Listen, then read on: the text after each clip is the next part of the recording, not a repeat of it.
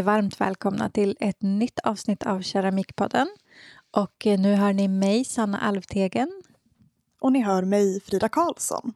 Och den här veckan, precis som tidigare veckor, så spelar vi in på distans. Och den här veckans gäst är konstnären Eva Hild. Hej Eva! Hallå! Hej! Hej! Vad roligt att du kunde vara med i Keramikpodden den här veckan. Ja, jag tycker det är jätteroligt att vara med. Och det, du, vi började här lite innan. Du sa att du har, du har för lite Zoom-möten så att du är glad att få prata på Zoom.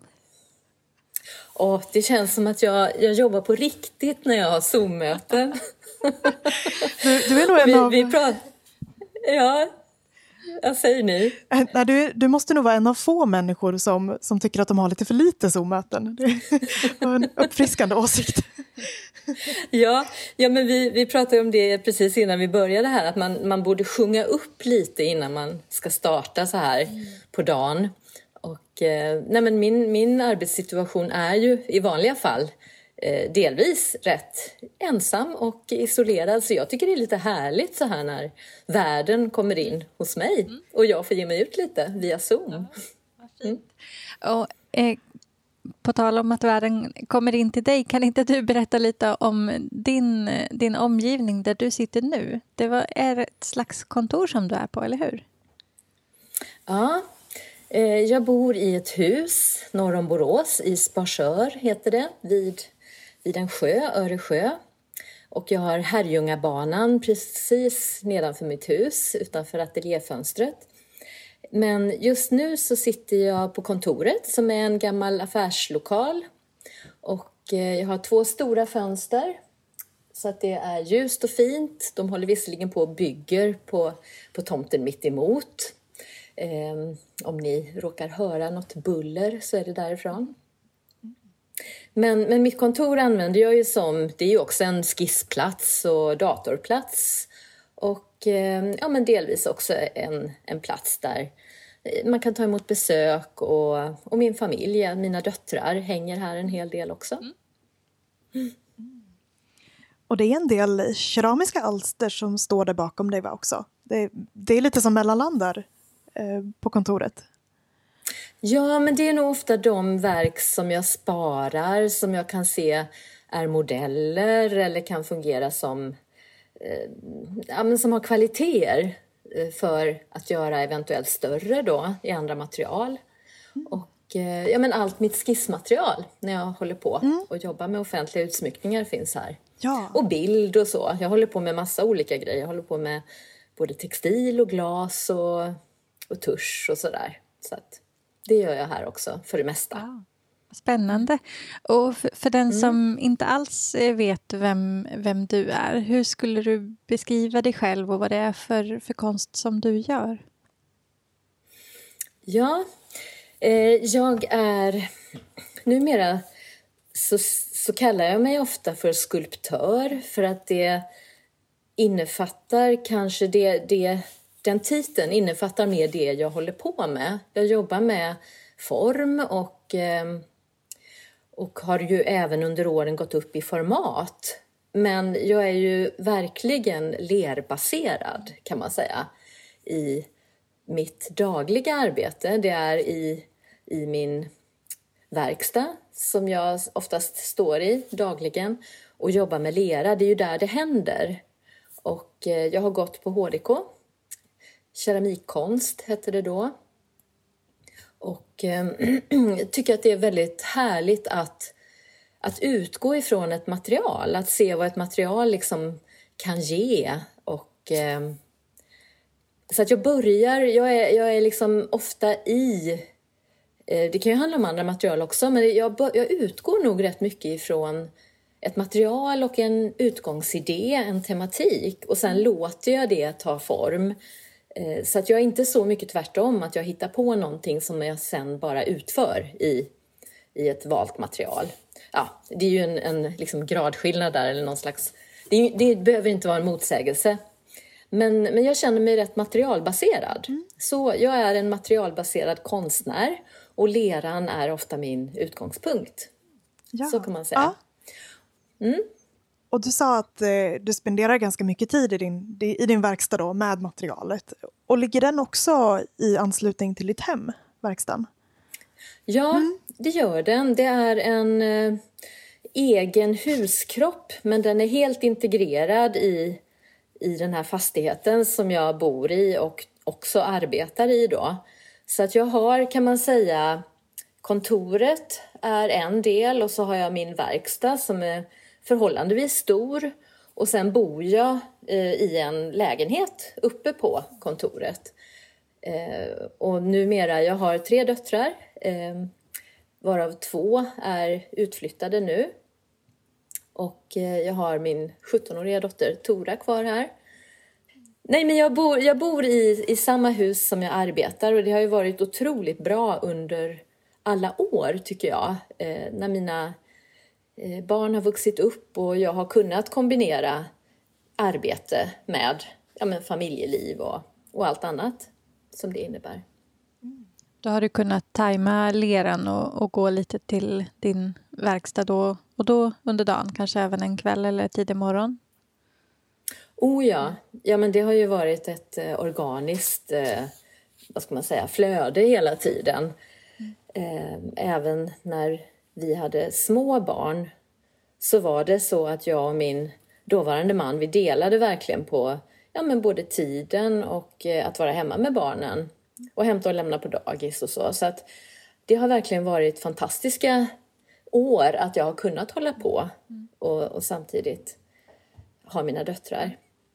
Och, och, det har ju också inneburit att de här, för jag har, nu har jag varit yrkesverksam i drygt 20 år. Jag gick ut 98 från HDK och hade min första utställning år 2000. Eh, men jag har tänkt mycket på det de här sista åren, att att förutsättningarna och, och, mitt liv generellt har förändrats rätt mycket. Och eh, det är spännande tycker jag, att jag kan se att med, med förändringar i livet så händer det ju saker med mig och mitt arbete också. Men det kanske vi kommer in på mm så småningom. Mm. Ja men precis, det vill vi gräva lite mer i. Um, mm. Och du beskrev den här arbetsprocessen, att du kan gå till leran och, och passa den som ett organiskt flöde. Och det tycker jag att man skulle kunna använda för att beskriva eh, den, eh, ja, de skulpturerna som du gör också. Men kan inte du med egna ord beskriva lite den, eh, den sortens skulpturer som du gör? Ja. Om jag ska beskriva det på ett idémässigt plan så jobbar jag med en slags kroppar. De är tunna. Och det fina med lera det är ju att man kan just jobba tunt men att det ändå sedan blir både starkt och på sitt sätt har en inneboende skörhet. Mm. Och det har jag tyckt om. Så att jag ser mina kroppar som en slags skal, behållare kan man säga. Men som då påverkas av saker runt omkring som jag ofta relaterar till som krafter. Och det kan ju vara tryck och de här trycken kan skapa genomförningar. Eh, det kan handla om rytm, eh, om utsträckningar, utbredningar. Och eh, jag tror att jag, i och med att det tar lång tid att bygga mina verk så så blir det en slags självporträtt. Eh, de växer fram och det är inte så att jag inte har en idé om vad det är för en slags tematik jag jobbar med under en viss period. Men, men det är ändå så att, att den där eh, ingångsidén, den kan ju på något sätt förändras längs vägen beroende på hur materialet reagerar och vad jag, ja, vad jag väljer för vägar. Så att organiska tunnväggiga, genombrutna former. Och sen har jag varit rätt konsekvent, i alla fall i det jag har visat, i att det har också räckt med att leran har en, en rätt enkel och avskalad yta. Att själva materialet i sig inte ska ta så stor uppmärksamhet. Den är ju jätteviktig ytan och hur man upplever den. Men jag har jobbat med vitt framför allt från början. som just tar in skuggor och som ger det här liksom djupet i det inre och i det yttre. Och sen har jag under de senare åren jobbat också med svart lera och fått motsatsen i det, vilket jag tyckt varit otroligt skönt att det finns en, en liksom, jag jobbar med det ena eller det andra parallellt. Mm. Oj, vad mycket jag skulle kunna säga. Ja. Nästan farligt att låta mig prata på här. Ja. ja. Och mm. Det som slår mig när jag tittar på dina alster det är att det känns som att lika mycket som det handlar om materialet så handlar det ju också om tomrummet. Att det är ju liksom precis lika liksom, intrikata och exakta former i det som, det som är hålrum. Absolut, det är ju på något sätt det som har varit min utgångspunkt. När jag en gång tidigt, då i, fortfarande under utbildning, eh, påbörjade mitt examensprojekt så, så kände jag mig oerhört tom. Jag har verkligen letat i mig själv för att hitta en tråd eller en tematik som jag kan hålla fast vid. Och, och just tomheten var svår att gestalta, kunde jag tycka. Sen upptäckte jag längs vägen att jag, det är klart att jag inte är tom. Det är oerhört mycket som rör sig och känns och, och som jag också kan formulera. Men, men det, det har också gått upp för mig mer och mer när jag sedan successivt har jobbat med, med det här att, att just volymerna och tomrummet är det som påverkar den här tunna väggen. Alltså jag har nästan bytt utgångspunkt. Det har inte varit liksom blocket, eh, materialet i sig och sen har jag liksom karvat mig in utan tvärtom, jag har utgått ifrån ja, ingenting kan man säga, ett, ett, ett hålrum som jag relaterar till mitt eget liksom inre tomma rum. Och sen har det fått ta form väldigt sakta. Vad spännande att höra dig berätta. Och vad fint att du beskriver dem som en kropp, tycker jag. Eh, mm. Jag kan tänka mig att du spän, liksom, ägnar mycket tid åt varje skulptur och att det blir lite som en, ja, men en, en, en, en annan person att umgås med ett tag. Kan det vara så? Absolut, ja, men det har du helt rätt i. Jag tänker på mina verk som en del av mig själv. Mm. Jag lägger ner så mycket tid och, och känslomässig energi i dem. Och, ehm, och har också, tror jag, svårt att släppa ansvar. Så absolut, jag kan ju relatera till mina verk nästan som till mina barn. Att jag, jag ägnar mig åt dem, jag, jag försöker tämja dem i viss mån. Men de lever också sina egna liv och, och en del av dem åker ut i världen. Men jag har ju väldigt svårt att släppa känslan av att det är jag som har ansvar och, och, på något sätt fortfarande har ett åtagande i att se till att de sköts om och ehm, ja, ni förstår. Jag kan ju ibland känna, åh låt mig få Låt mig få tillbaka det här verket så att jag kan göra i ordning det igen. Eh, så att visst, och det, jag tycker att det, det är ju inte en... Det känns helt relevant för mig att det är så. Eh, mina verk är så pass viktiga för mig när jag gör dem. Så att um, jag, jag har gärna den relationen. Sen har jag ibland tänkt att det vore så skönt om man gjorde saker som inte hade kravet på sig att vara så beständiga. Mm. Det, hade ju, det är ju en annan sida av myntet. Att, oh, vad härligt om, om det vore som is, att det smälter när det har gått en viss tid.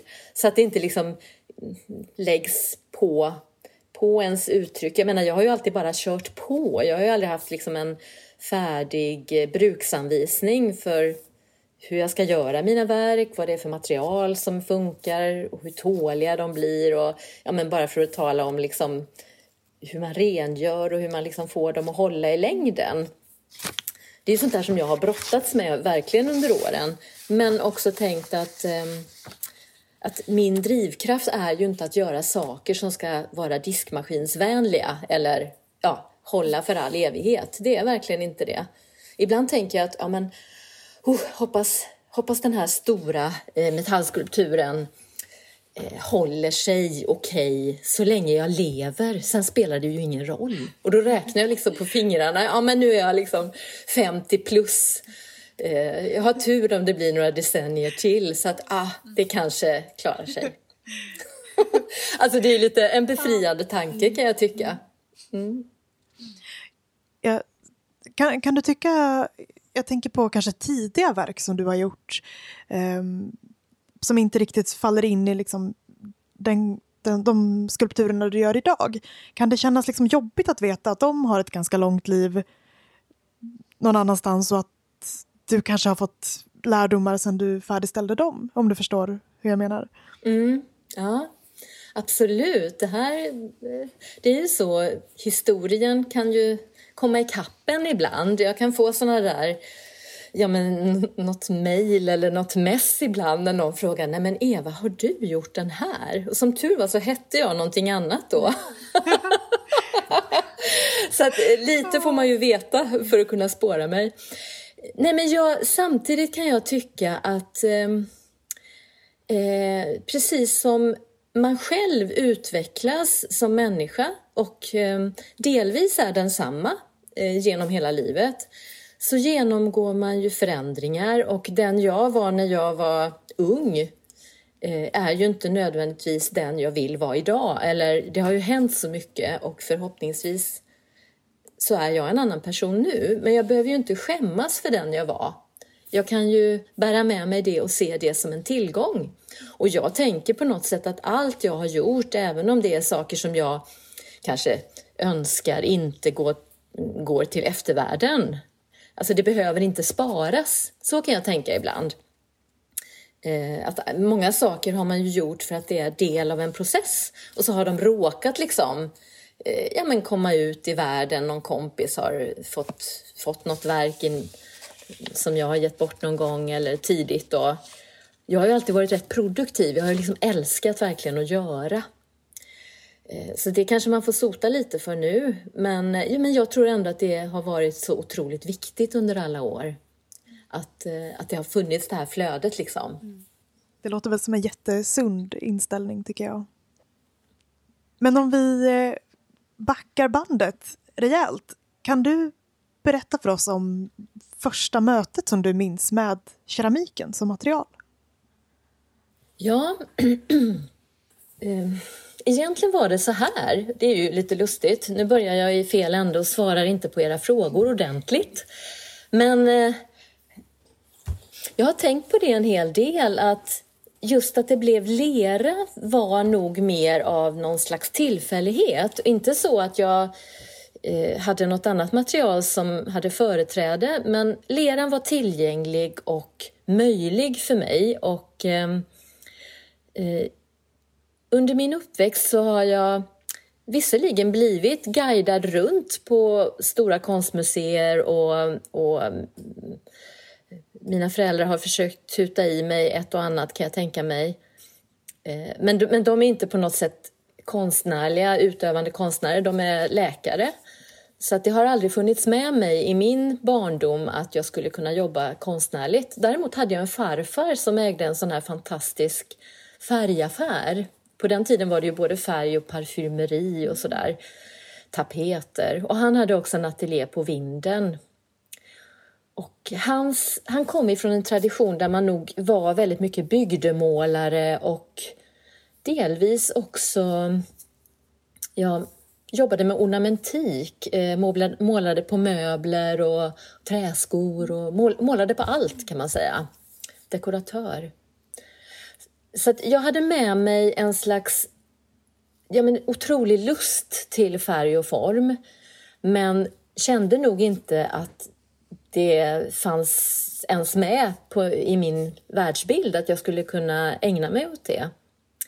Men nu frågade ni vad det var, mitt möte med keramiken. Jag ska säga så här, att mitt första möte med det här med, med liksom handens arbete Eh, det var nog egentligen textil. Jag såg några fantastiska utställningar med, med stora konstnärligt gjorda vävar och eh, tyckte det var så underbart. Jag gick till biblioteket och letade i de här väldigt, väldigt begränsade konsthantverkshyllorna där man kunde hitta en och annan bok om hantverk, eh, hur indianer gjorde tofflor och sånt där. Och det lånade jag hem och jag gjorde alla såna här mönster från Kamratposten, sydde skjortor och, och lapptäcken och så. Så jag var väldigt intresserad av, av det här hantverket eh, som fanns och som också blev saker. Jag tyckte det var härligt. Och då var det ju väldigt nära till hands att lera blir saker. Det är funktionellt och det var så jag närmade mig leran. Det var inte så konstigt eh, i alla bemärkelser utan enkelt. Och om jag då bara jättekort ska ta min, min bakgrund då när liksom livet, eh, när jag började bli vuxen och livet trängde sig på, man skulle göra sina egna val så, så var jag, hade jag svårt att veta vad jag egentligen ville göra och hade nog tänkt att jag skulle bli läkare eller läsa medicin. Men som en liten kompromiss så läste jag till sjukgymnast istället. Men kände egentligen under hela den utbildningen att det var någonting annat som jag ville. Så när jag väl var färdig, och det var, på den tiden var det rätt kort utbildning, så började jag gå en kvällskurs i keramik. Och samtidigt så gick jag en krokikurs. Och det verkligen, det var som att ja, men bara vrida på en kran. Jag tyckte det var helt fantastiskt. Jag fick genast nyckel till faktiskt Borås konstmuseum, för jag flyttade tillbaka då till min uppväxtort och, eh, och fick sitta där nere i, i deras keramikverkstad och jobba. Och sen gick jag en sommarkurs på Kapellagården. Mm. Och det var samma sak, alltså det bara liksom, det var som som om en helt ny värld öppnade sig. Eh, och för mig var det, ja, men det var väldigt lyckligt. Jag hade nog varit lite olycklig dittills i mitt unga liv.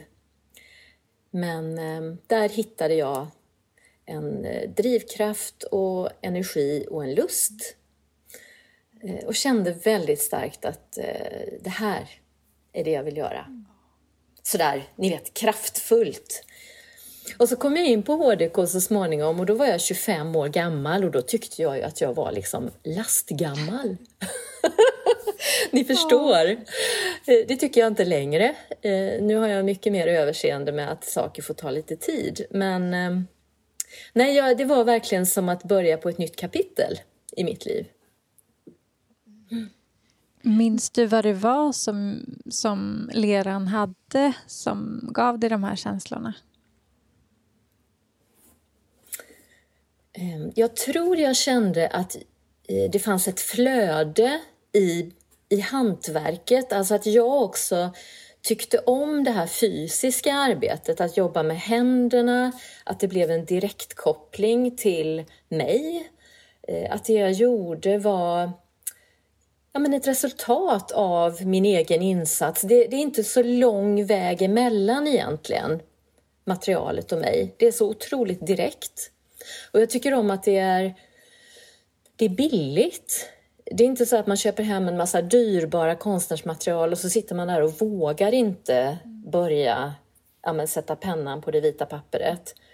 Utan för mig var det verkligen, jag hade nog väldigt lätt också för det tekniska. Alltså jag lärde mig bygga, dreja, det gick otroligt fort. Eh, kanske nästan för fort. Eh, det har jag ju brottats lite med sen och, och min arbetsprocess nu för tiden har jag ju nästan medvetet valt att den är långsam för att jag ska kunna återkomma varje dag, för att det ska finnas liksom en, eh, en, en eh, reflektion i det jag gör. Att ge mig själv lite tid längs vägen.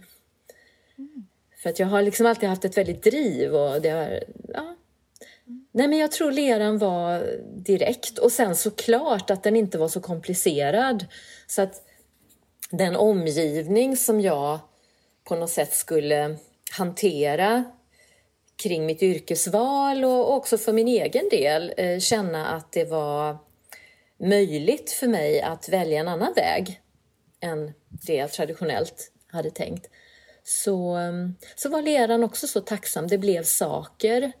Eh, jag tänkte nog aldrig att de var säljbara egentligen, men jag menar, man, man hade ju en slags tanke att jag kan alltid dreja en mugg och, och kanske sälja en mugg till någon. Ja, vad var det för keramik som, som du gjorde där de första åren? Är det, finns det paralleller till det du gör idag? Eller var det helt annat? Jag tror att det såklart finns paralleller, men de var ju så otroligt eh, ofärdiga. Eh, men jag tror att man bär med sig en, en kärna, vad det är man håller på med. Att det finns, jag menar om man har en fallenhet för, för det mjuka och organiska eller om man tycker om struktur och och eh, ja, vad, vad, det nu kan handla om. Men, eh, nej, men det jag gjorde de första åren, det var verkligen, jag skulle säga allt. Jag, var, jag, jag, jag tittade i tidskrifter och sen gjorde jag det. Alltså jag gick ett år på, på en folkhögskola och, och levde i leran. Det var på den skånska slätten, den leriga slätten. Och det var verkligen så. Jag jag provade. Jag, jag, såg någon som hade gjort något och så provade jag att göra likadant själv. Och ehm, Det var ett väldigt effektivt sätt också att ja, men dels se vad, vad, leran, vad jag kunde åstadkomma i leran men också lite släppa det här att, att jag från början skulle veta vad jag skulle göra. Utan för mig var det väldigt mycket att lära mig grunderna, ungefär som jag tänker om man spelar ett instrument, att lära sig att hantera instrumentet, att nästan som att öva skalor, att spela alla de där styckena man ska ha gått igenom. Det, innan jag, man eh, gör sitt egna musikstycke så får man lära sig först. Ja, kanske att det är ändå en sån... Ja, att jag omedvetet gjorde det. Men sen efter några år och framförallt när jag hade kommit in på HDK och, och kände att om jag ska jobba med det här och också behålla den här liksom energin och drivkraften som jag någonstans... Ja, det, ju, det har ju varit det som har drivit mig. Eh, nästan som en, en nöd, kan man säga, i mig. Då måste jag hitta trådar i mig själv så att jag ha möjlighet att hålla fast och, och utveckla. Att jag, jag har sett mitt arbete som ett forskningsprojekt eh, kopplat både till materialet i sig och vad det kan åstadkomma, men väldigt mycket för att förstå, förstå saker med mig själv. Eh, och eh, försöka uttrycka det och också kanske göra det mer allmängiltigt för att det jag har velat förstå om mig själv har ju inte bara varit de här lätta sidorna utan det har nog varit mycket kring mina konflikter och den här pressen och de här kraven som jag har känt i mig själv och någonstans kanske utifrån. Så att det har handlat om den här dualismen, det inre och det yttre som, som får mötas i mina verk. Och det, det har jag verkligen ägnat mycket tid åt under utbildningen, på slutet framför allt. Eh, under ett år så gick jag på Gällesborgsskolan också och då släppte jag leran. Eh, för att jag kände att jag var så... Leran kan, är ju, det är så underbart för att leran ger ramar men den kan ju också vara lite begränsande i och med att det finns mycket tradition och, och jag hade ju på något sätt kommit till den punkten då jag ville bryta lite grann med det. Jag ville liksom hitta min egen väg i ett material. Och för mig var det jättebra.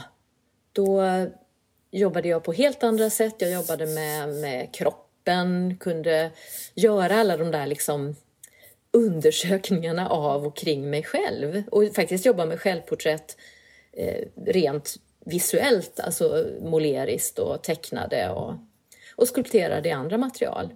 Så det var toppenbra för mig. Var det ett år efter HDK som du gick där, Gällesborgsskolan? Nej, det var faktiskt mitt i. Mitt i. Okay. Mm. Som idag skulle man kunna säga att efter kandidaten så gjorde jag det. Och sen kom jag tillbaka till HDK eh, och gjorde min master.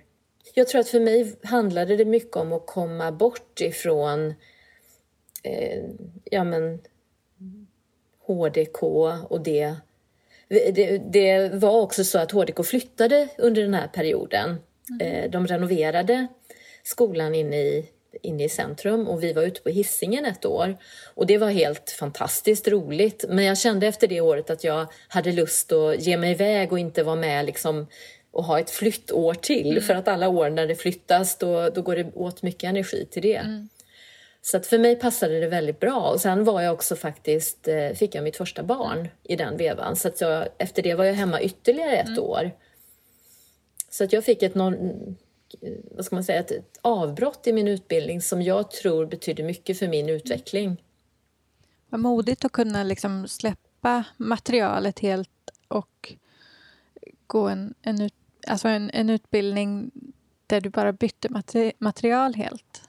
Eh, jag tänker att man skulle kunna vara, tycka att det är läskigt att välja bort det material man ändå har valt på något vis. Åh, oh. ja.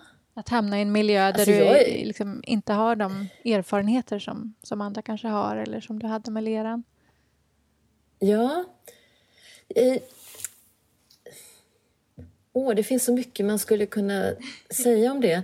Dels tänker jag så här att jag har nog varit så otroligt eh, eh, ja, men, eh, liksom intresserad av att Ehm, eller jag tror att jag har varit så målmedveten i mitt eget arbete så att jag har försökt att inte jämföra mig. När jag har kommit till nya ställen och, och mött nya utmaningar så, så har jag verkligen försökt att se det som utveckling och eh, utmaning. Och också tyckt att det har varit otroligt eh, spännande. Eh, och samtidigt, jag förstår vad ni menar, att man, är ju liksom, man går in i en värld och så är man rätt trygg i den. Men jag har aldrig känt att leran, det är kanske där jag liksom började beskriva det här med att leran har aldrig varit det självklara valet av någon särskild anledning, utan det råkade bli det och det har passat mig otroligt bra, så att den anledningen räcker. Men det har också gjort att jag har känt en stor frihet. Jag har inte känt att andra material förbjudna till exempel. Jag använder ju andra material eh, både i mitt lerarbete faktiskt och eh, i, i mina offentliga verk och när jag gör skisser och modeller och ja, men som jag berättade nu att jag faktiskt håller på med både bild i textil och i glas och sådär. Vet inte om det är något jag kommer visa någonsin men jag har ett stort intresse för alltså, man kan uttrycka samma saker i så många olika material. Och det är så spännande att se vad det blir. Så, så har jag mm. tänkt. Mm. Tror du att, väljer du material utifrån vad det är du känner att du vill uttrycka? Eller, jag tänker du som har liksom ett, ett ben i, i, flera material, hur, hur går valet till?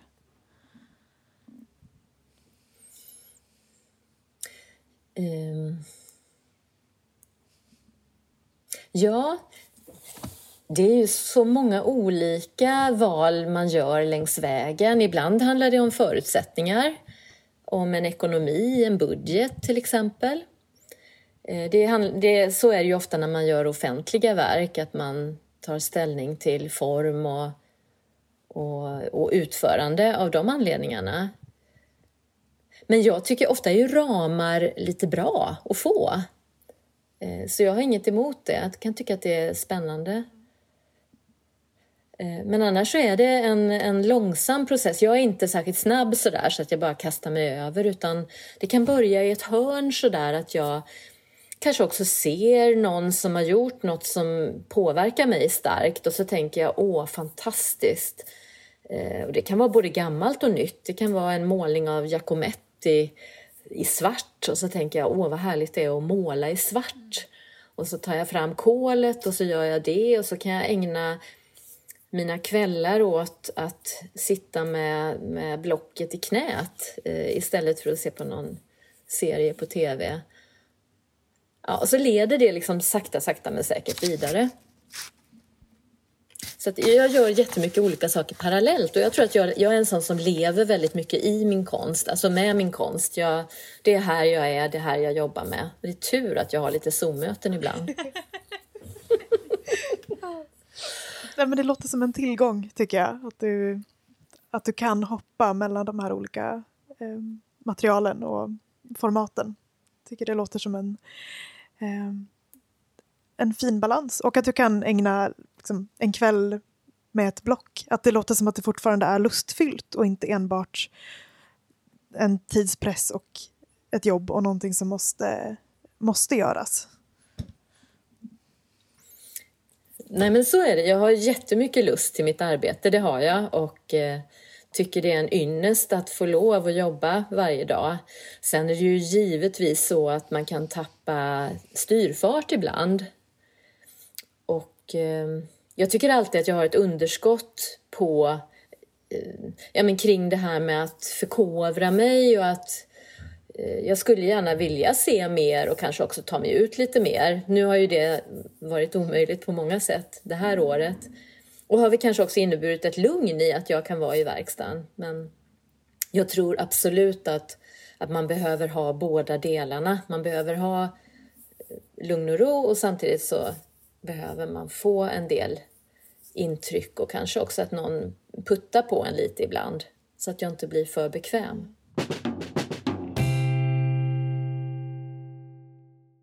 Om vi går tillbaka lite till dina keramiska skulpturer. Eh, du berättade ju lite i början här hur du... Ja, lite om, om, om hur de eh, ja, ser ut och vad de har för betydelse för dig. Men rent eh, tekniskt när du gör dem, är det så att du först skissar eller låter du liksom leran bestämma där eller har du en bild i huvudet eller hur går det till? Mm. Absolut att jag skissar och eh, framförallt kanske samlar på ord och beskrivningar så att jag har en tematik med mig när jag går ut och påbörjar ett nytt projekt. Eh, och då är det ju nästan alltid så. Numera ser jag ju mitt arbete som en lång process. Det är ju, jag menar, jag hade ju aldrig kunnat göra det jag gör idag om jag inte hade gjort det jag gjorde igår. Alltså att det finns en sån otrolig eh, ja, men följd. Så att det är inte så att jag går ut och liksom påbörjar något som oj, blev det så här idag? Utan det, det, jag vet ju ungefär var jag rör mig. Eh, men, men ord är viktiga och ibland tänker jag att eftersom det tar så lång tid för mina verk att från första lerklutten till det att de kanske är stora och färdiga i leran bara och då kanske de kan bli uppemot ja, en och en halv meter. Och det kan ju ta ett halvår, ett år då jag jobbar med de här skulpturerna under plast och återkommer varje dag och, och liksom ändrar dem och jobbar vidare och låter dem växa sakta. Då är det också viktigt att ha kvar eh, den där ingången som jag en gång hade. Vad är det egentligen jag jobbar med? Vad är det för känsla jag vill uttrycka? Så att jag, för mig har det varit jätteviktigt att, att eh, få något ord eller några ord eller en känsla, en upplevelse. Det kan ju vara en, eh, en eh, bild ur min vardag som jag på något sätt tar med mig in i verkstaden och så tänker jag nu ska jag jobba med den här typen av relation eller den här typen av konflikt eller ja. Och så sätter jag ord på det och då har jag ofta skisser och de ser ju faktiskt ibland ut som telefonkludd kan jag tycka. Eh, men, men, har ändå någonting av, ja men det kan vara en utsträckning eller utbredning som jag jobbar med eller någon typ av eh, kombination av former. Och det konstiga är att efter några år så kan jag ibland gå tillbaka till mina skisser och så kan jag se att jo men det där som jag på sätt och vis väldigt abstrakt formulerade i bild, det har nu blivit tredimensionellt och jag hade aldrig kunnat ana att det faktiskt skulle ta den här formen som det nu har gjort. Alltså jag hade aldrig kunnat ha den här färdiga idén från början utan det måste ske i i samarbete med leran. Jag tycker om ord och ehm, kan läsa en del, ta till mig saker. Också både teori och diktverk och, och ibland en och annan skönlitterär bok som påverkar mig mycket. Men, men jag märker att det jag relaterar till det är ju sånt som jag själv också kan uppleva. Att någon annan sätter ord på det som jag känner och tänker. Och då tänker jag, det är ju så lustigt liksom, andra konstformer kan ge mig en upplevelse, en slags konstupplevelse som jag sen förmedlar liksom i min konst för att jag når saker i mig själv som jag sen kan använda mig av. Ja, så att, eh, nej, det är spännande vad det egentligen är. Musik är ju också en sån sak att man kan ja, gå igång på någonting, att det liksom finns en energi och ett flöde som man kan använda sig av. Och sen såklart för mig har det ju varit otroligt kroppsligt relaterat, alltså att när jag står och jobbar så kan jag också liksom känna i kroppen vad det är för saker som jag vill åstadkomma. Den kopplingen är otroligt viktig för mig.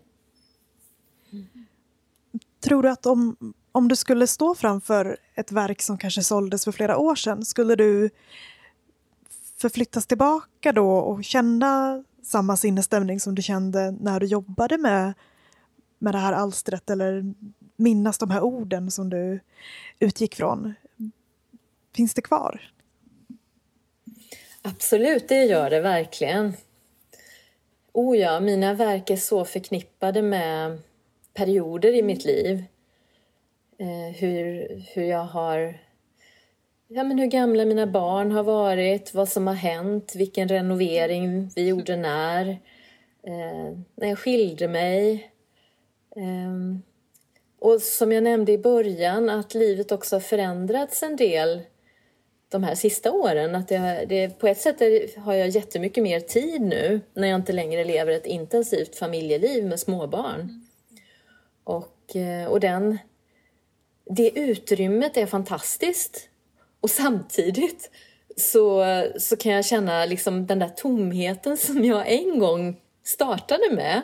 Att den har nästan liksom kopplat tillbaka nu. Cirkeln är lite sluten. Men jag, har ju, jag bär ju med mig allt det där som har funnits under alla de här åren när man har verkligen sprungit mellan eh, alla de här olika stämningarna och eh, ja, sitt jobb och barnen och allt som händer under de åren. Det är jättemycket förknippat med... Jag, jag är ju väldigt ihopblandad. Jag är ju mina verk och sådär. Och verken finns mm. nära mig hela tiden. Mm. Ja, men jag förstår att, att man verkligen blir eh, nästan som ett med de här verken med tanke på hur länge du jobbar med var och en av dem och att de finns med. Jag, jag tänker bara, det är väl lite, lite samma känsla kanske som känslan man kan få när man hör en viss låt.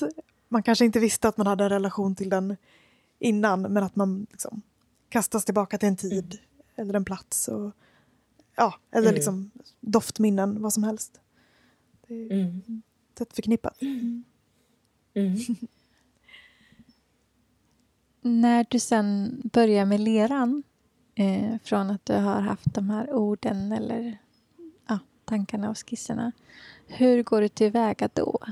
Ringlar du eller ja, hur gör du? Mm. Eh, rent tekniskt så absolut, jag ringlar, handbygger. Eh, mitt bästa verktyg är en liten metallsken som jag har i många olika varianter med taggar och utan och jag har den i, i fjäderstål eller i rostfritt stål. Och eh, de går liksom åt verkligen för att jag skrapar mycket för att få fogarna att bli ja, men täta. Och... Men absolut, jag ringlar och bygger mina skulpturer. Och det, som sagt, det tar lång tid men det är också en slags ehm, eh, vila i att arbetet, eh, ja att det finns en, en regelbundenhet och en rytm i det som jag tycker om. Är det? Ja, mm. Tid för ref reflektion, mm. tänker jag. Mm. Och när du börjar ringla, är, är det ganska tjocka former då som du sen skrapar tunnare? Eller mm, hur, hur ser liksom, hur kommer de här delikata formerna fram? Ja, jag skulle säga att Eh, om jag inte har för bråttom, och det är dumt att ha bråttom för då tar man liksom lite för tjocka lerkorvar. Men, men eh, om, man, om jag jobbar med en lerkorv som, som har någon centimeter i diameter och så lägger jag den på och, och skrapar upp liksom den formen. Då, då finns det någon slags tjocklek som jag med åren har ja, men, övat upp, eh, liksom vad som fungerar när det växer och, och blir till en viss storlek så att det ändå bär sig själv. Och jag skulle tippa på att den ligger någonstans mellan ja, men 6 till 8 millimeter sådär. Som, som jag känner i händerna ungefär att det här... Och, och jag jobbar ju liksom många, många varv på varje lerlager.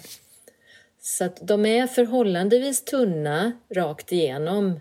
Men eh, sen slipar jag ju den väl torkade leran när skulpturen är färdig och då gör jag ju den sista finishen och då brukar jag ju också slipa kanterna. Slipningen är ju ingenting jag rekommenderar, det är ju verkligen dammigt och otroligt, eh, ja, kanske inte okeramiskt men, men det är ju... Jag, jag har haft perioder där jag tänkt nu måste jag sluta slipa. Jag åkte till European Ceramic Work Center i Holland till exempel och tänkte att nu ska jag verkligen jobba på andra sätt och inte slipa till exempel. Utan ja, men ni förstår hur man tänker, man ska bryta lite med sig själv och se vad som händer. Det var svårt. Jag erkänner att jag jag fick återfall och då fick jag liksom göra det lite i smyg sådär. De hade liksom såna här mobila utsugsmaskiner. Så att, ja. Nej, så det gör, men, men det finns en tillfredsställelse i det där att när leran ändå är torr och, och verket är färdigt så, så blir det den där sista finishen gör så otroligt mycket för att man ska uppleva de, den här liksom rörelsen och flödet i, i skulpturen. Och jag är ju jättenoga med, jag, mask är ju egentligen mitt allra bästa. Mm. Min allra bästa utrustning. Jag har massa olika masker. Numera har jag köpt en sån där ni vet som man som inte klämmer så mycket i ansiktet. För nu när jag är lite äldre så, så får man ju de här ränderna kvar i ansiktet av gummimaskerna. Eh, och de kan ju sitta kvar ett dygn liksom. Så ska man göra någonting på kvällen så, så vill man ju helst inte... Man får planera sin slipning. Men nu har jag en sån där mask som man bara drar på sig och så är det liksom ventilation runt midjan istället. Riktigt snyggt. Ja. Men det är när leran är torr men inte bränd som du slipar? Mm. Ja, precis. Sen slipar jag rätt mycket efter bränningen också. Jag bränner ofta två gånger. Mm. Så att jag bränner lite lägre första gången och sen eh, slipar jag ytterligare för att ja, men förfina och mjuka ut kanterna och, och ytan igen. Och sen bränner jag en lite högre omgång och då är det också lättare att hantera verket och ställa det i ugnen så att det blir ordentligt, eh, eh får en bra vad ska man säga, balans så att det inte sjunker eller förändras av värmen. Hur ofta är det som, som du kanske råkar ha sönder någon del i slipningen. Jag tänker att det är liksom sista fixet, att det måste vara så surt när det väl ja, går mindre bra. Ja. ja, alltså det här är också så spännande. Eh, för att jag har, ju, jag har ju till exempel en ugn som är begränsande i format. Jag kan inte ha en större ugn, jag har en 100 liters ugn, elugn. Eh, för att jag bor i ett område där det inte finns mer el att dra i, i gatan så att säga. Men, ehm, men jag har ju lärt mig under åren att om jag jobbar... Det, det, är så plågsamt har jag tyckt att, att ugnen blir begränsningen när jag står och jobbar och så plötsligt så når jag en viss storlek och så oj nej, nu måste jag sluta här eller liksom förändra formen på grund av en, ett mått som är i ugnen. Så till slut så kände jag bara, nej men nu gör jag inte det. Nu bygger jag liksom så som jag vill ha min, mitt verk. Och sen så sågar jag delarna, bränner dem och monterar ihop med Ja, men det kan ju vara tvåkomponentslim och glasfiber och, och numera finns det ju andra material som man kan använda som är lite mer miljövänliga. Så det har också gjort att jag är lite mindre neurotisk nu eftersom jag ändå delvis sågar isär mina stora verk så gör det ju ingenting om det blir ytterligare en del. Ibland är det nästan bra. Ja, men här behö behöver jag skära bort en del. Så det blev ju lämpligt. jag försöker vända det till det positiva. Ja. Men, sen, men jag, jag, tror att jag är väldigt mycket så här, hoppsan, jaha, nu blev det så här, vad gör jag då?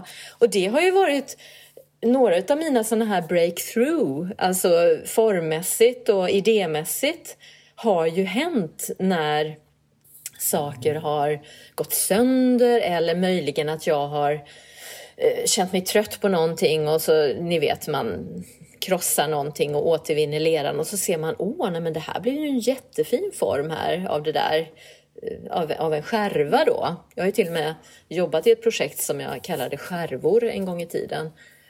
Eh, men, nej men så jag tror ofta att de där ja, men de där misslyckandena, de kan ju leda vidare definitivt. Och det är ju det man håller på med nästan varje dag och ser, oj, nej men nu hände det där, får jag väl göra på ett annat sätt då. Mm. Du nämnde där hur du sätter ihop dina skulpturer sen. För det där har jag alltid... Jag har ju hört om andra som bränner sina skulpturer i flera delar. Men, men hur går det liksom till när du sen ska sätta ihop? Passar de alltid? och så vidare? Ehm, jag bränner så pass lågt så att jag försöker hålla mig under temperatur då de förändrar sig mycket. Ehm, jag har nästan hamnat nere på 1100 till 1150 nu. Mm. Från början brände jag i mina skulpturer i 12, 1250. Ehm, men framförallt den mörka leran, den är ju lite mer plastisk i ugnen. Alltså, deformeras mer. Så att den är jag ännu mer försiktig med. Självklart har det ju hänt att det skevar eh, och ibland funkar det nästan inte att sätta ihop och då får man ju använda de där bitarna på något annat sätt. Det är ju jättekul. men, eh, men oftast så är det så att jag, jag bränner bara så att jag har kontroll fortfarande. Jag är, jag är en, en blandning av kontroll och någon slags ja men ni vet stor slarvighet eller nu ska vi se, det var någon som skrev något om mig någon gång. Eh, att arbetet, ja men det var så. Arbetet bygger kanske på en kombination av kontroll och slarv. eh, jag, jag, jag, kanske inte slarv, men, men lite att jag kör på. Att det finns en sida hos mig som är sådär, ja, nu. Liksom. Någon slags drift och mm. energi. Och, och det, det känner jag det är en tillgång. Eh, att jag inte ger upp liksom och åker till återvinningen direkt utan jag ser lite vad som funkar att göra och att det också kan ge någonting. Men nu ska vi se, du frågade mer tekniskt, ja, hur precis, gör man? när du sätter ihop. Ja, ja. ja men jag, det, då är det så här att då hyr jag ett antal garage. Jag hyr rätt mycket garage och har mycket egna också. Och lite lador och så där jag har saker. Eh, men då brukar jag limma ihop dem, eh, delarna. Eh, och det är ju viktigt. Det blir ju, jag brukar tänka att jag svetsar, men det gör jag ju inte. Men jag limmar ihop dem. Nitar liksom ihop dem. Och sen använder jag olika material lite beroende på hur hållfasta de måste bli och hur stora de är. Men, eh, men det kan vara så att jag behöver laminera med någonting. Mm. Typ glasfibermaterial. Och, och då gör jag det. Och sen använder jag mycket vanliga verktyg som man använder till eh, trä och sten och, och, metall som vinkelslipar och små tandläkarborrar och sånt där.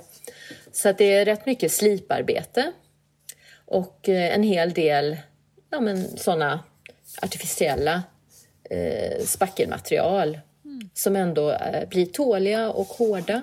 Och det gör ju också att jag, jag kan göra upphängningar. Just nu håller jag på med ett antal rätt stora verk som ska hänga. Jag har jobbat med med utbredningar som är nästan som bröstkorgar kan man säga för att jag bröt mitt bröstben i höstas och, eh, och kände att jag behövde jobba med någonting som också var inte så tredimensionellt som jag behövde lyfta så mycket utan jag kunde jobba mer platt på golvet. Så det har jag hållit på med nu och de har jag tänkt ska hänga. Och då kan jag också förstärka de här punkterna där verken ska hängas. Och eh, borra och montera fast eh, öglor och så. Men det är mycket sliparbete. Mm. Jag måste bara fråga om själva eh, när, när du sågar itu verken. Är det också när de är helt torra? Mm, ja, mm. det är det. Mm. Och med vilken typ av såg? Eh, jag använder såna här eh, ja, men gamla sågblad till uh, olika typer av sågar. Det kan vara ett litet sågblad mm. till någon sån där liten, ja vad kallar man det, de här små som man sätter i ett litet blad i. Ja just det, någon figursåg. Mm. Ja, figursågar och ja, ni vet alla mm. möjliga. Och ibland, någon enstaka gång när det har varit någon större grej, då har jag tagit fram vinkelslipen och bara ah. liksom kört igenom. Men då dammar det så mycket. Så att, men jag har ju ett, ett, eh, vad ska man säga, ett utrymme som jag mm. har klätt in där jag har drag och så. Eh, så att eh, det är ju där jag håller på med sånt här så att jag inte får damm i hela verkstaden. Precis. Men jag är ju rätt noga, jag är ju väldigt sådär, alltså om, man, om någon tycker att jag är slarvig då säger jag ju inte det rent praktiskt. Jag är ju väldigt noga med att svabba och eh, försöker hålla ordning och sådär. Även om det blir, kan fylla på, på sig och vara mycket grejer i verkstaden så har jag ett behov av att liksom ha ordning och reda. Jag tycker inte att det verkar vara ett slarv. Jag tycker att det känns som att du är orädd bara. Jag blir lite inspirerad. jag vill också ut och såga lite. Ja, jag tror jag har fegat lite. ja, ja, det beror ju på vad, vad man vill åstadkomma, tänker jag. Mm. Men jag har nog haft liksom, eh, ja, men en bild av... Eh, jag tror att inom mig finns det en känsla av... Alltså, någonstans har jag rätt mycket frustration i mig. och den kan man ju kalla en drivkraft. En, en slags inspiration också. Men, men det grundar sig nog, det är någon slags aggressiv energi ändå. Och det eh, har jag nog nytta av för att då, det är det som gör liksom att det händer grejer och jag, jag, vill, jag tänker stort. Liksom. Jag tänker, eh, när jag inte har dåliga dagar så, så är jag ändå lite megalomanisk utan att gå över några slags gränser tror jag. Men ändå att jag liksom, nej men det är klart att det här går och jag vill, oh, jag vill liksom Eh, jag vill ofta göra mycket större än vad jag någonsin kan. Så är det ju. Jag har gjort en skulptur nere i Malmö i aluminium då. Och det är ju inte jag som har gjutit den, det gjordes nere i Tyskland. Men, men där kan jag känna, ja den blev, den är 6,5 gånger 7 meter. Ja men nu är det liksom dags, nu måste jag ju få något uppdrag där jag kan göra, jobba med 10 meter och det vore ju fantastiskt liksom att få förverkliga de där idéerna. Så det är det jag, det är det jag, det är det jag väntar på. Men då när du, för du har ju jobbat, eh, du har några verk i aluminium, i, i brons, stål, eller hur? Ja, precis. Gör du då först mm. liksom en grund i lera? Det gör du? Mm. Mm. Ja, alltid. Mina modeller är ju verkligen... Och det är viktigt för mig också att modellerna på något sätt är sprungna ur mina händer. Det gör ju att jag känner att det här är mitt verk. Eh, verkligen i grunden. Sen kommer ju verket förändras väldigt mycket i en produktion. Ofta är jag ju med och gör fullskalemodell och står och slipar och limmar dem också. Men, eh, men det jag menar, jag jobbar ju aldrig i dator. Jag datorgenererar ju inte mina former utan möjligtvis kan jag använda datorn som ett redskap, hjälpmedel i processen. Det har jag ju lärt mig längs vägen. Så att jag, jag kan skanna in min lermodell och sen kanske den måste också korrigeras lite för att klara av eh, en större skala och så. Men eh, men absolut, det är jätteviktigt det här med att det, att det finns ett ursprung i som kommer direkt ur mig. Att jag känner den kopplingen. Mm. Men när dina skulpturer sen blir i ett annat material jag gissar att det ofta är för att de ska stå offentligt, kanske utomhus eller så. Mm. Vad är det som, som gör att du väljer vilket material det sen slutligen blir i? Eh, det har varit en lång resa för mig att lära mig material, se vad som är möjligt att göra. Eh, så att valen... Nu, numera känner jag att jag kan välja, att jag vet hur jag gör, att jag har... Eh, ja, men jag har gjuterier som jag kan lita på eller åtminstone som jag kan, kan eh, försöka Eh, Eh, liksom kommunicera med. Det är ju jätteviktigt att man känner att de förstår ens egen intention med det man gör. Eh, men från början så var det verkligen svårt. Jag kände att jag visste inte riktigt hur jag skulle... När jag fick frågan första gången om jag ville göra ett lite större verk och om jag kunde tänka mig att göra ett verk i metall. Det var ju förutsättningen för att det skulle kunna stå på den här offentliga platsen. Och, eh, och jag sa ja utan att veta hur jag skulle lösa hela den processen och liksom få upp de här tunnväggiga formerna i en större skala. Och vilket material ska man använda? Och hur ska man ytbehandla det? Och ska man tänka, ska man tänka att man vill göra något helt annat än det jag hade i leran? För leran har ju ett sånt säreget uttryck eh, ja, men som jag också har valt. Där är det ju verkligen så. Eh, många gånger är det de här vita, lätta skulpturerna med det här lite torra, nästan sandiga uttrycket. Och så ska det översättas i ett stenhårt material som är tungt och, och metall kan ju ofta kännas lite grått mm. och, och mörkt. Eh, och, och, från början så ville jag liksom att metallen skulle, att det skulle få bli en skillnad så att metallen syntes och att det också skulle bli så pass rått så att det skulle tåla allt det där som händer i en offentlig miljö, att människor rör sig i och ur verken. Men eh, men med åren så har jag känt att nej, men det är ju någonstans det här, alltså har jag jobbat med en modell som är i det här vita, då, då är det ju ofta det uttrycket jag vill komma åt när jag sen drar upp den i skala.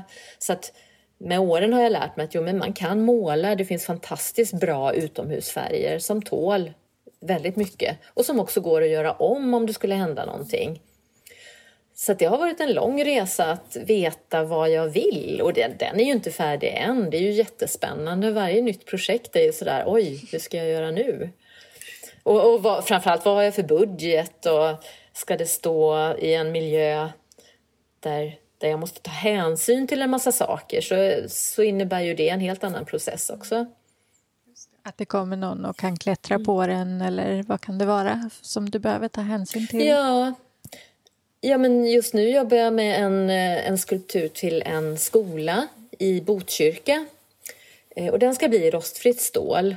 Men där måste även skulpturen ha lekplatsklassning så att säga. Så att det finns mellanrumsmått, jag måste ta hänsyn till höjder, jag måste ha fallskydd.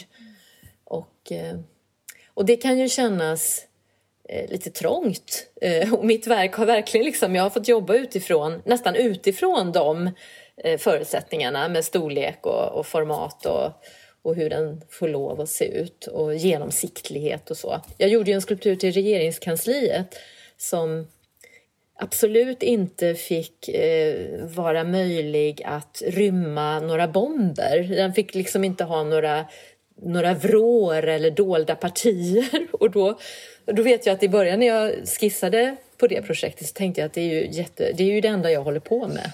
De här liksom jättemycket snirkliga inre rummen.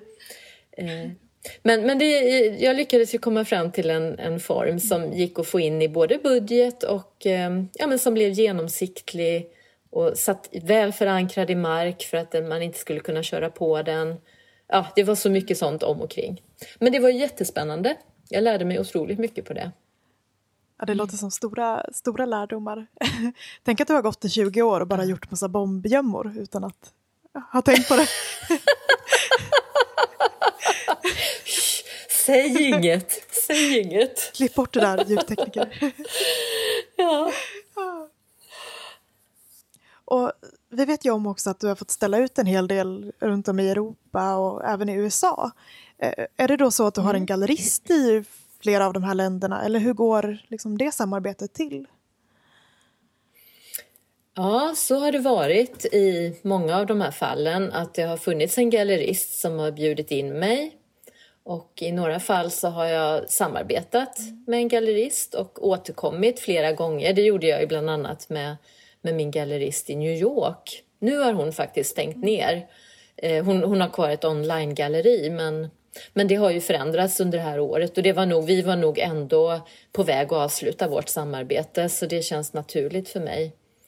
Men, eh, men från början så var det så att jag var väldigt aktiv kring att delta i, i tävlingar och utställningar och skickade mina verk världen över så det har också varit ja, men ett organiskt växande på Ja. det sättet. förstår.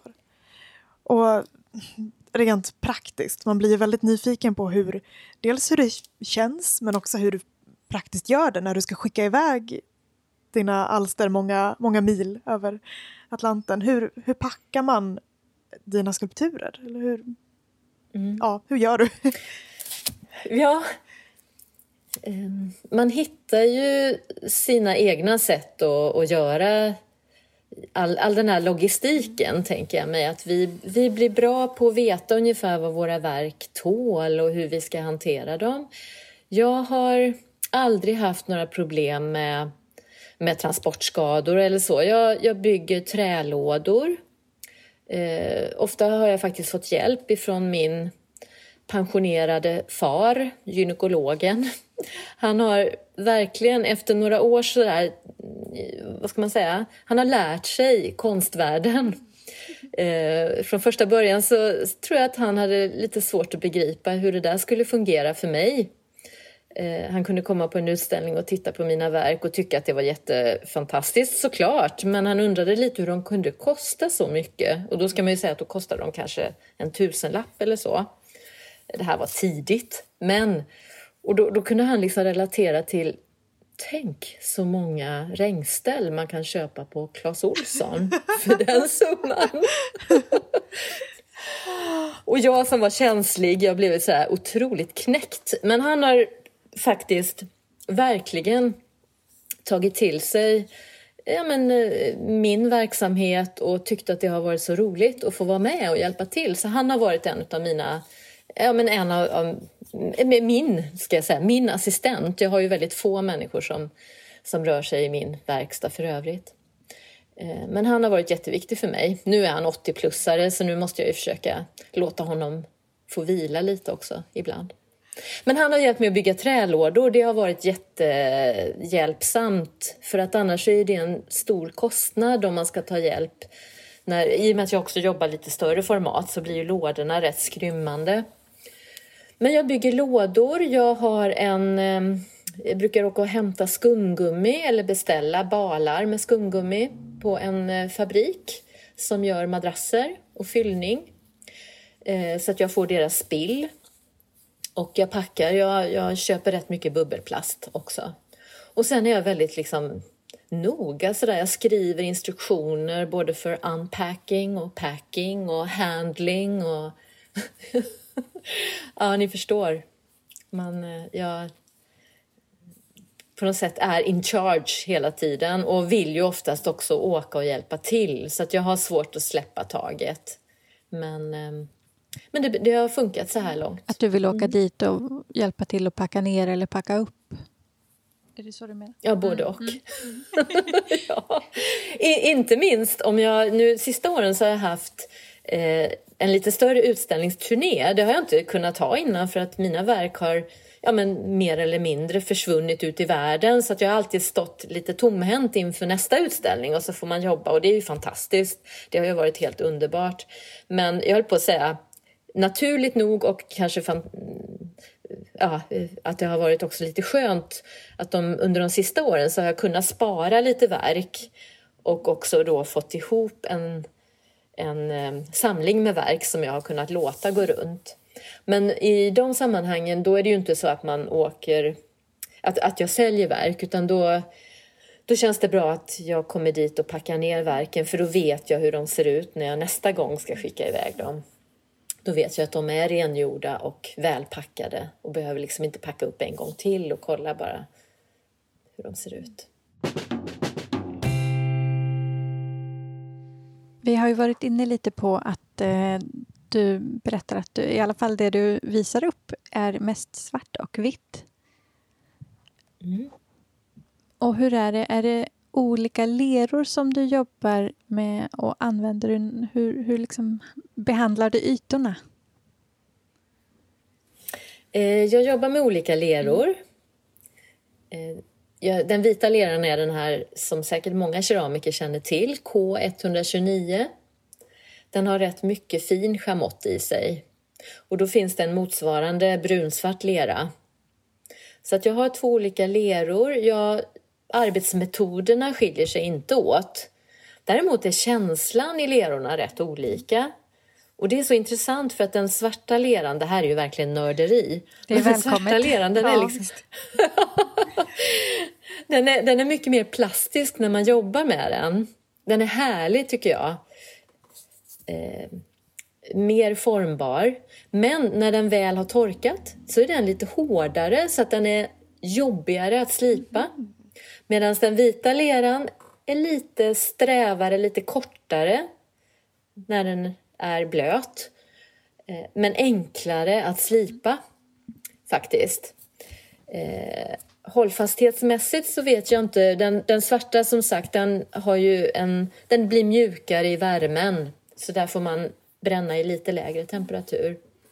Men det vet man ju ofta om som keramiker att svart med mycket oxider i blir mjukare.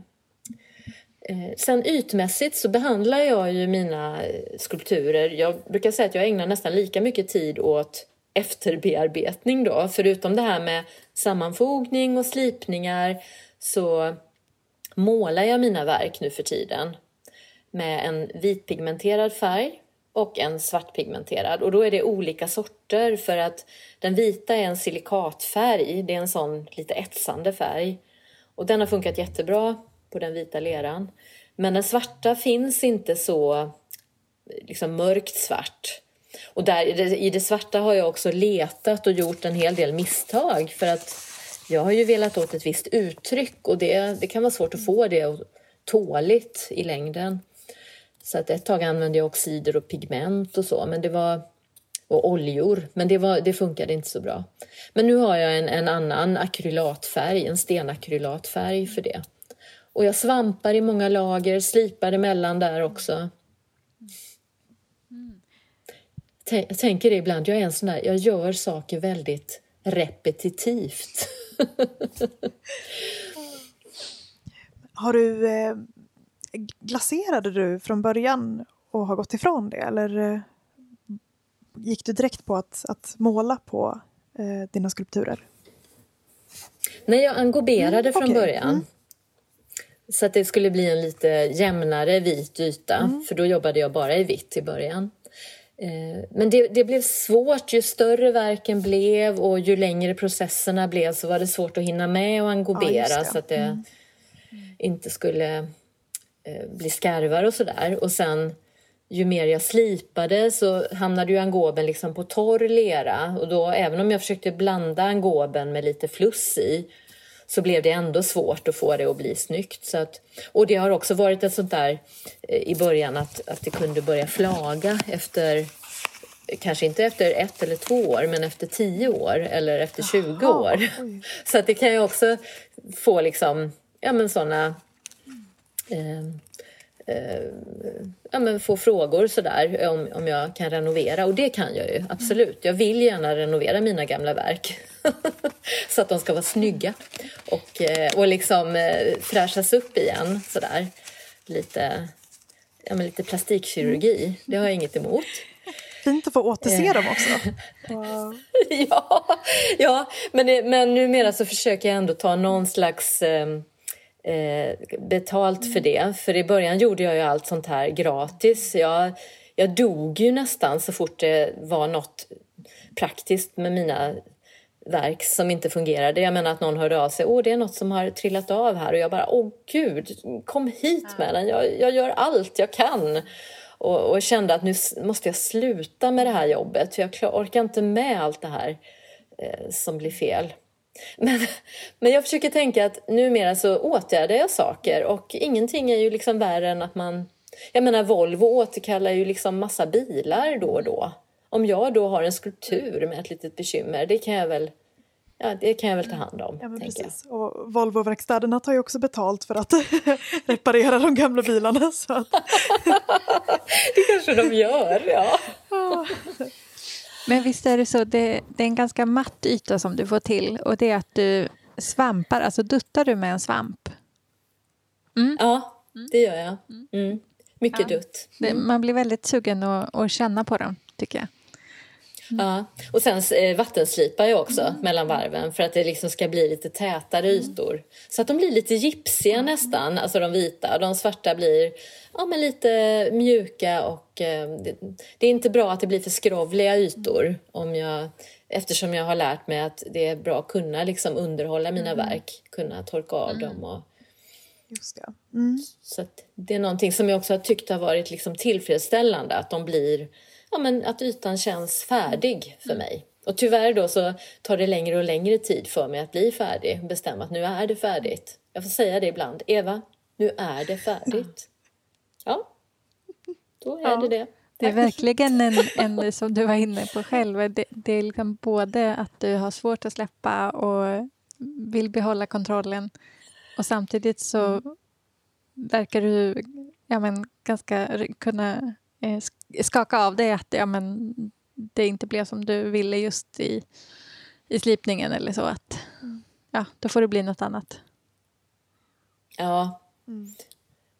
Men, men jag har nog ett, väl, en väldigt behov, ett väldigt behov av att eh, lösa saker på egen hand. Jag är nog inte så där så att jag gärna delar med mig längs vägen utan jag vill liksom vara i fred med, med min problematik och så se om jag kan hitta en väg ut ur det. Och sen är det möjligt att om jag då löser saker, då kan det bli något bra av det. Men jag är nog inte så oneurotisk så att jag bjuder på allt mm. liksom. Utan, eh, nej, jag, jag, tänkte på det just att jag är inte så bra på att eh, ta in andra i verkstaden. Jag har ju alltid jobbat förutom att jag har haft min familj nära så har jag ju varit ensam i mitt arbete. Och, eh, och det har ju varit både en styrka eh, för att jag har just ja, men, lärt mig att lösa saker på egen hand. Hur jag lyfter in mina verk i ugnen och hur jag hanterar dem och så. Och samtidigt så tycker jag att det eh, eh, jag att jag också behöver ibland bjuda in andra människor för att då kan jag också få lite mer feedback och lära mig saker. Jag tror jag är lite eh, sådär, jag, menar, jag är lite sådär att jag one man show, att jag ska lösa allting på egen hand. Lite cowboy tror jag. Det är inte så bra, tänker jag. Jag hade faktiskt en kollega här, en textilkollega som, eh, som jag känner och, och det var så fantastiskt för att vi, hon kunde ge mig så mycket tips och råd utifrån ja, men hennes perspektiv. Och då tänker jag att ja, men, jag måste jag måste se till att träffa lite folk ibland. Det är bra, det är bra för mig. Jag kan känna igen den där envisheten att, att eh, ja, men, jag vill göra på mitt sätt och inte alltid vara mottaglig för inputs under arbetet. Mm, mm. verkligen. Det är Precis. nog ja, många goda råd man har helt struntat i. Man vill liksom göra sina misstag på något vis också. Mm. Så är det, kan mm, själv.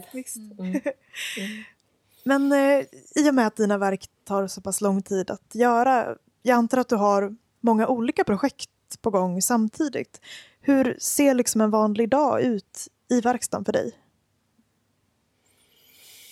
Mm, oj, jag har verkligen många olika parallella spår. Eh, så att jag skriver ofta en lista vad det är jag ska göra idag. Eh, och då har jag ju såklart alltid, om det är lerarbete på gång, då går ju det alltid först. För det är det jag måste göra och vill göra. Eh, det är ofta en kreativ process i det. Men jag rör mig mellan väldigt olika sysselsättningar och det är ju bra. Eh, det ger ju en variation. Så att på ett sätt så kan dagarna vara sig rätt lika. Jag både bygger med lera, jag kan ta två timmar då jag slipar, jag kan ägna mig åt datorn en timme. Eh, och just nu så försöker jag faktiskt förkovra mig och sitta och läsa lite. Det är ju sällan jag gör det på arbetstid, det är nästan alltid att jag känner att det måste jag göra på min övriga tid. Arbete för mig det är nästan alltid att ha något i händerna. Tyvärr höll jag på att säga, för att där, det kan jag känna att jag, jag skulle behöva avsätta lite mm. tid till det andra. Nej, men det, jag tycker att det är bra variation. Eh, och jag rör mig mycket och det tycker jag också om, att mitt arbete är fysiskt, att jag inte blir stillasittande. Och är det så idag att du kan leva på ditt konstnärskap eller har du en annan sysselsättning också? Nej, jag lever på mitt konstnärskap. Och eh, även om jag, om vi, ska jag säga, inte tjänade så mycket pengar de första åren, jag och min man, eh, dåvarande man Torsten, eh, då vi hade båda gått HDK, han är arkitekt. Men, eh, men vi har levt på, på våra arbeten, eh, mer eller mindre, under alla de här åren. Lite föräldrapeng, lite starta eget-bidrag i början. Och sen, eh, sen har det liksom rullat på och eh, sen är ju inkomsterna väldigt eh, oregelbundna. Så att jag känner aldrig att jag, att jag liksom... Det, det, här är väl kanske också en sån där sak att jag aldrig känner mig... Eh, jag måste alltid röra mig framåt, också av den anledningen tror jag. Jag vet aldrig hur det blir. Ja men tänk, nu kanske det tar slut. Jag menar hur många gånger har jag inte tänkt det? Och sen så jobbar jag på och det rullar vidare och, och jag är jättetacksam för det, verkligen. Eh, men, men det har faktiskt gått så att jag är eh, otroligt ja, men tacksam och eh, mm. ja, vad mer ska man säga? Mm. Ja, men, roligt att höra, även om det mm. såklart eh, som konstnär är, som du säger, det är ju ingen eh, månatlig inkomst som kanske kommer in den 25 och man kan andas ut och veta att så här är det i tre år framåt. Nej. Nej. Och det här som ni säkert har hört av många av era poddare att jag bor ju också utanför storstad. Jag bor lite utanför centrum och det har ju också gjort att jag har ett billigt hus, att jag delar mitt boende med mitt arbete. Så att det finns ju jättemånga kostnader som jag slipper bara genom att, att finnas mm. här och inte i en mm. storstad. Mm. Och för den som är nyfiken på att se dina skulpturer eller kanske köpa någonting, hur kan man hitta dig eller se vad du gör för någonting? Eh, jag har några gallerier som har några verk av mig. I Sverige samarbetar jag med Galleri Andersson Sandström uppe i Stockholm. De har en filial i Umeå också. Eh, och sedan så har jag ju en del verk både på museer och i det offentliga. Och som jag nämnde tidigare, min, min största skulptur i Sverige så här långt det är ju en metallskulptur som står nere i Malmö som heter Rubato. Eh, finns utanför Malmö Live. Så den tycker jag att man ska åka och titta på. Just det, visst är den, den som är ganska stor? Ja, ja den är sex och en halv meter hög mm. ungefär. Mm. Ja, vad häftigt. Och sen eh, finns det ju även på ja, men Instagram till exempel och, och hemsida om man vill ja, men, få en bild av de här verken vi har pratat om nu också. Ja, ja, absolut. Ja, såklart. Vad är det du heter? Mm. Jag, inte... jag heter www.evahild.com mm. på min hemsida och jag heter Evahild Art på Instagram. Jag är ju ingen instagrammare. Jag har lite svårt för att, att vad ska man säga, veckla ut mig. Mm.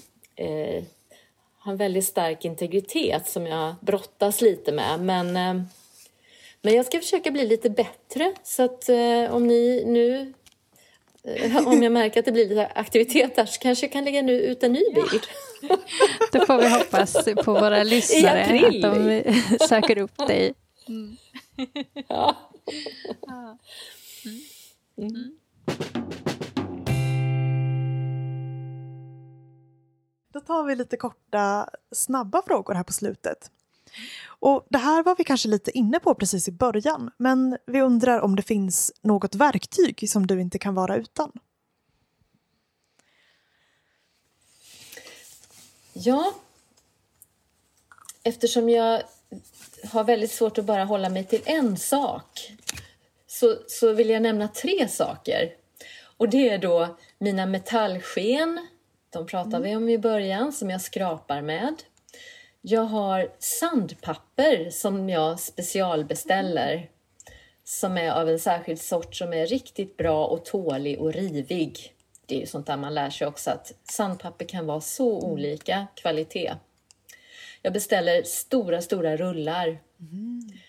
Så det är det. Och sen har jag ju alla mina olika masker då. Skyddsmasker. De är viktiga och eh, som sagt, eh, förutom mina gummimasker som då ger mig de här kvarvarande mer och mer strecken i ansiktet så att det ser ut som att jag är opererad. Kanske inte så skönhetsopererad utan mer man undrar liksom var det där strecket i pannan kommer ifrån. Men numera har jag då också köpt en sån som liksom ventilerar hela ansiktet och så sitter själva eh, ja, fläkten och eh, filtret runt magen. Så att det är tre saker. Andningsmask, sandpapper och sken. Bra investeringar. Mm. Verkligen. Mm. Och lyssnar du på någonting när du arbetar? Jag lyssnar såklart jättemycket. Under de sista åren så har det ju nästan exploderat så mycket man kan lyssna. Eh, numera är det ju nästan så att jag ibland märker att nej men nu måste jag stänga av. Jag kan inte ha något i öronen hela tiden. Det är klart att jag lyssnar mycket på P1. Eh, jag går ensam i min verkstad och det är fantastiskt att känna att världen är hos mm. mig via radio. Eh, men jag har också mer och mer då, i och med att jag har, haft möj jag har möjlighet numera att lyssna mer för att jag inte har mina, mina barn är utflugna delvis och, eh, och allt är lugnare. Men det har också gjort att jag kan lyssna på annat. Jag kan lyssna på musik idag på ett helt annat sätt än vad jag gjorde för några år sedan. Och, eh, och det kan vara allt ifrån klassisk musik till eh, ja, men, sånt jag gillar på olika sätt olika stämningar. Det har varit, jag tycker att musik och ljud överhuvudtaget och podcaster och, och berättelser, det har verkligen tillfört mitt arbete någonting. Mm.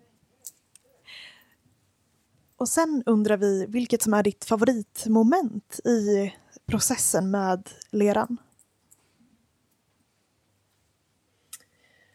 Och då måste jag ändå säga när jag jobbar med den blöta leran och håller på och bygger, det är ju väldigt en härlig process för att det växer och eh, eh, jag vet aldrig exakt var det ska ta vägen men det finns en sån närhet mellan mig och materialet i den fasen. Vi är båda formbara mm. där. Och det tycker mm. jag om. Finns det någonting som du kan säga att du tycker minst om att göra? Det är många moment som jag kan känna och vet är slitsamma. Jag kan dra mig. Eh, slipningen är ju en sån, en sån, ett, ett sånt arbetsmoment där jag byter om, jag tar på mig mask, hörlurar, eh, handskar, går in i mitt lite trängre sliputrymme och så och vet att nu ska jag vara här i två, tre timmar. Så att det är ju, och det finns ju andra faser som också är lite ja, men tyngre när jag står och limmar och gör de delarna. Men på något sätt så i och med att jag har möjlighet att variera mina uppgifter under dagen så är jag rätt bra på att bestämma mig för att nu, nu är det den här eh, stunden jag gör detta och sen går jag till nästa. Det är som att jag har ett recept framför mig. Jag prickar liksom av ingredienserna på listan. Och, och det är så fantastiskt också ibland att se att verken tar form. För att från det att man har haft en utgångsidé och så jobbar man med det under så lång tid och så plötsligt vid någon viss tidpunkt så har de nått ett stadium då man kan börja titta på dem på ett annat sätt. Det är nästan som att ens barn har vuxit till sig och, och så ser man dem, oj, nu är de sina egna eh, individer och man, liksom, man by, byter liksom perspektiv. Det är väldigt häftigt. Så att alla, alla delar måste finnas med, men jag kan ibland tänka att jag eh, sliter lite på kroppen Eh, och samtidigt så gör jag ju inte det för att jag får ju lov att göra olika saker. Jag tränar en del också så att jag håller mig i form. Mm. Har du någon sån här smart lösning som du använder dig av i verkstaden som du vill dela med dig av? Oh, jag har jättemycket ja. smarta lösningar. Det gäller bara att välja. eller, eller väldigt osmarta lösningar, eh, men hemmasnickrade lösningar. Eh, nej men jag är ju väldigt bra på att, det är inte så smart, men jag jobbar ju mycket på golvet. Det har jag tyckt varit eh, skönt, för man, jag jobbar också ofta på madrasser. Och då har jag lärt mig att jag också klär in madrasserna i plast så att inte hela madrassen blir sådär lerig mm. efter liksom ett halvårs lerarbete på en madrass. Eh, så det är bra och dessutom när jag klär in madrassen i plast då suger, då kan inte liksom madrassen bli blöt och förstöra leran mm. underifrån. Alltså det är sådana här små detaljer. Men madrasser på golvet, det tycker jag är bra. Jag, eh, jag har ju lärt mig tekniker hur jag liksom lyfter mina verk i omgångar, alltså lite upp, lite upp, upp på en vagn som är rätt låg förhållandevis men som jag då liksom kan preparera med till exempel en eh, kartongskiva där jag lägger stora mängder chamott. Och då är det väldigt bra med såna här gamla pappkartonger som man kanske har fått prylar i från Ikea som har lite kanter. Då kan man fylla det med schamott och sen så successivt så lyfter jag liksom upp mina då obrända lerformer på detta och sen skjuter jag in det i ugnen för då kan jag höja den där vagnen till ugnshöjd. För att jag har ingen ugn där jag kan dra ut hela innandömet utan ja, men det är mycket sånt där och, och jag har lärt mig att göra eh, kärl där verken kan stå så att jag inte behöver flytta dem i alla faser utan jag bygger liksom ett lerkärl och sen så jobbar jag med verket i det kärlet och sen lyfter man in kärlet i ugnen. Så att, eh, ja, Kul. lite abstrakt men... Du får ju jättegärna fota lite, att vi får ta del av lite foton från din arbetsmiljö, din verkstad och gärna lite av de här smarta lösningarna och favoritverktygen. Mm. Mm. Ja, det vore jättebra. Har du varit med om någon eh, katastrof så där i verkstaden eller inför en utställning? Oj, hur många timmar sa ni att vi hade? eh, eh, alltså, det beror ju på vad, hur man ser på katastrofer. Jag tänker ibland att jag har verkligen lärt mig mycket av eh, problem, av misstag eller eh, ja, men miss, missberäkningar. Inte så att jag har stått och, och allt inför en utställning har liksom kraschat, det har jag inte varit med om. Men jag har varit med om att jag har till exempel råkat frysa min lera. Jag har jättebra källarutrymmen. Mm. Men där jag har leran då, så det är inte uppvärmt. Jag kallar det fuktkällaren och det är ju jättebra för lera. Men det var några vintrar där för ett antal år sedan som var jättekalla och då råkade jag ha ställt leran lite nära väggen så att den frös. Och jag vet ju att frusen lera är vanskligt men jag, sånt där liksom bortser jag ifrån och jag knådade den och tänkte att det här funkar nog jättefint. Men det blev väldigt sprött sen när jag skulle hantera det här i slipning och eh, ja, helt enkelt. Det kunde säga knak och så blev det bara liksom småbitar. Och det har jag råkat ut för. Ja, så så det, det, där kunde jag känna att det var liksom nästan ett års arbete som på något sätt gick upp i rök. Och ibland försökte jag också laga och sådär men det blir ju jättemycket mer arbete. Eh, och sen har jag gjort serier med verk som inte har haft samma typ. Jag menar mina former som har mycket hålrum, de bär sig själva för att de är byggda på valv. Och då har jag perioder, framförallt tidigt i min, i, i min utvecklingsprocess för många år sedan, så jobbade jag med mer vävda eh, eh ytor jag liksom använde leran som nästan band och så var det hålrum däremellan och de fick inte alls samma styvhet. De kunde jag liksom inte lyfta på samma sätt. Det trodde jag att jag skulle kunna och jag bad då min dåvarande man att han skulle hjälpa mig att lyfta in de här i ugnen eller lyfta över dem till någon, någon behållare. Och där var det också så att det liksom det sa liksom bara knak och då, det var verkligen sådär katastrof. Hela skulpturen bara låg på golvet i små bitar. Och så tog vi nästa och så hände det igen. Så tänker jag ibland att det är inte så konstigt att man till slut liksom blir lite, han blev lite trött på mig. ja, ni förstår. Men eh, ja, han, ja, han var säkert tålig. Men, men sådana saker har jag absolut gjort. Och sen har jag haft väldigt mycket bekymmer med mina metallskulpturer. Eller väldigt mycket. Jag har lärt mig otroligt mycket på dem. Min första skulptur som var i rostfritt stål, den rostade. Så den fick jag göra om. Och, och jag har haft andra bekymmer med det. Mm. Men... Mm. Ja. ja. Det är helt enkelt så man lär sig. Det är verkligen eh, jättebra när det kärvar mm. lite. det är som att lära sig att hoppa över hinder. Man tar sig vidare. Mm. Jag tycker man alltid lär sig mycket på att få ställa den här frågan. Ja. Eh, faktiskt. Mm. ja. vem eller vad får inte komma in i din verkstad? Eh, jag har ju som sagt haft svårt att ta in mm. andra människor i min verkstad. Den är min skyddade zon. Den är väldigt mycket mitt inre rum. Eh, och det har varit viktigt för mig. Jag tyckte det var en lättnad när jag slutade på HDK, slutade, avslutade min utbildning och fick min egen sfär. Så det har varit avgörande för mig att jag har fått stå där och liksom ha det här, eh, ha mitt eget space.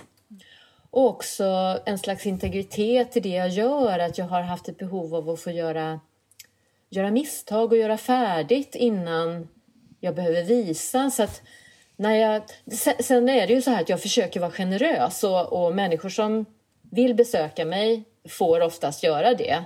Eh, och då städar jag rätt mycket så att jag ska ha en slags kontroll så att jag inte liksom känner mig helt... Det är ju nästan som att liksom bjuda in någon i ens mm. inre kan jag tycka. Man måste städa undan lite och liksom, ni vet, kamma sig och få ordning på saker. Eh, så med det sagt så, det, jag brottas lite med det. Så att jag ska inte säga att jag inte vill ha in människor eller andra människor i min verkstad, för det vill jag. Men, men det är nog det jag, som jag både har som en styrka, att mitt arbete är väldigt mycket i mig och viktigt och liksom internt. Och, eh, och samtidigt ska man ju liksom försöka vara lite extrovert mm. eh, i den här världen, inte minst när man ska dela med sig och bjuda på sig så här till exempel i en podd. mm. Om du inte höll på med konst eller konst och keramik, vad tror du att du skulle jobba med då? Jag tror nog att jag hade utbildat mig vidare inom medicin. Det tror jag. Men jag är, förutom att jag är intresserad av det fysiska och kroppens funktioner så är jag också intresserad av psyket. Så jag tycker också att psykologi är jättespännande. Så någonting i, i, i, mm. det, i det landet. Mm. Vad gör du om eh, du kommer till verkstaden och du inte känner någon kreativitet?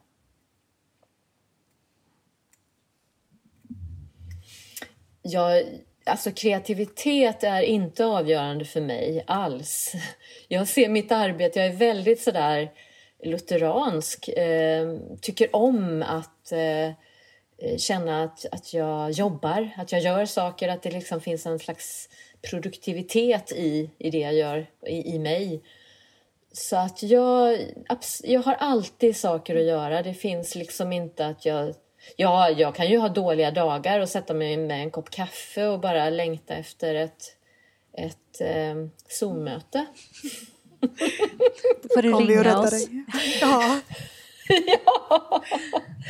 Men, men, eh, men som sagt, jag inväntar inte kreativitet utan jag går på och eh, jag tror mina drivkrafter är inte så mjuka utan de är lite hårda sådär. Det är liksom en, en slags frustration i mig som driver på eller en slags, eh, ja men eh, ja, men som jag sa i början, en nöd nästan. Att jag liksom, oh, nu vill jag någonting och då sätter jag igång med det. Så att jag är rätt bra på att dra igång och tända på liksom stubinen även om jag inte har liksom den där åh, härliga känslan mm. varje dag. Den, jag förväntar mig inte det mm. riktigt.